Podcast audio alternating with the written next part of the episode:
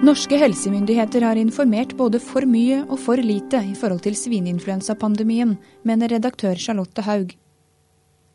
Velkommen til tidsskriftets podkast for nummer 23 2009. Svineinfluensa, influensa A-HN-NN, har vært den store snakkisen siden april.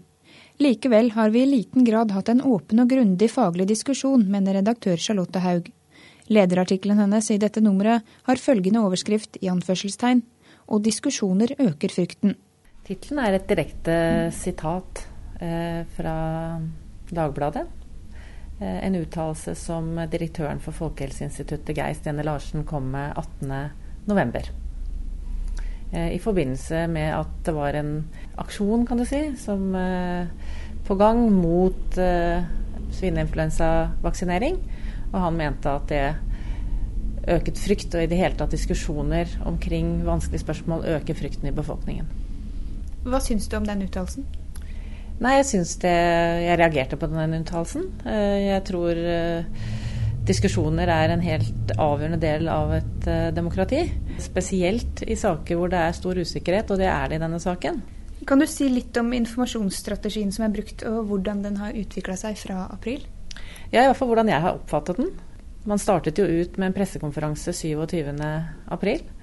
Eh, bare det at man velger å starte med en pressekonferanse eh, istedenfor f.eks. Eh, å informere helsepersonell eller fastleger eller noen andre på en litt rolig måte først, sånn at man vet hva det dreier seg om og eventuelt kan møte spørsmål fra befolkningen i etterkant. Det er jo en type strategi som er ganske voldsom som er nødvendig i en del sammenhenger. Eh, men det er klart man startet ut med en veldig eh, sterk strategi som, som skapte veldig mye uro. Eh, man sammenlignet med at vi hadde en situasjon hvor, som nesten var å sammenligne med, eller kunne være å sammenligne med spanskesyken. En av de verste infeksjonssykdommer som har rammet verdens befolkning i moderne tid. Haug mener det har vært informasjonsoverflod og informasjonsmangel på samme tid. Ingen av delene bidrar til å dempe uroen i befolkningen. Det har vært utrolig mye skriverier og snakk om svineinfluensa. I media, på internett, folk imellom. Eh, men samtidig så er det veldig vanskelig å få tak i faktisk dokumenterbar informasjon. F.eks. nå har vi jo hatt dette gående i et halvt år, og vi har hatt dødsfall. Eh, men vi vet egentlig ganske sparsomt om hva det er som egentlig er årsaken til at noen eh, er rammet og andre er ikke rammet. Vi får på en måte bare vite at noen er død. Det er veldig sånn skremmende, ikke sant.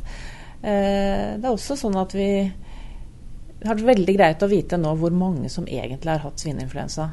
Og det hadde vært en enkel sak å finne ut av hvis man faktisk hadde testet det.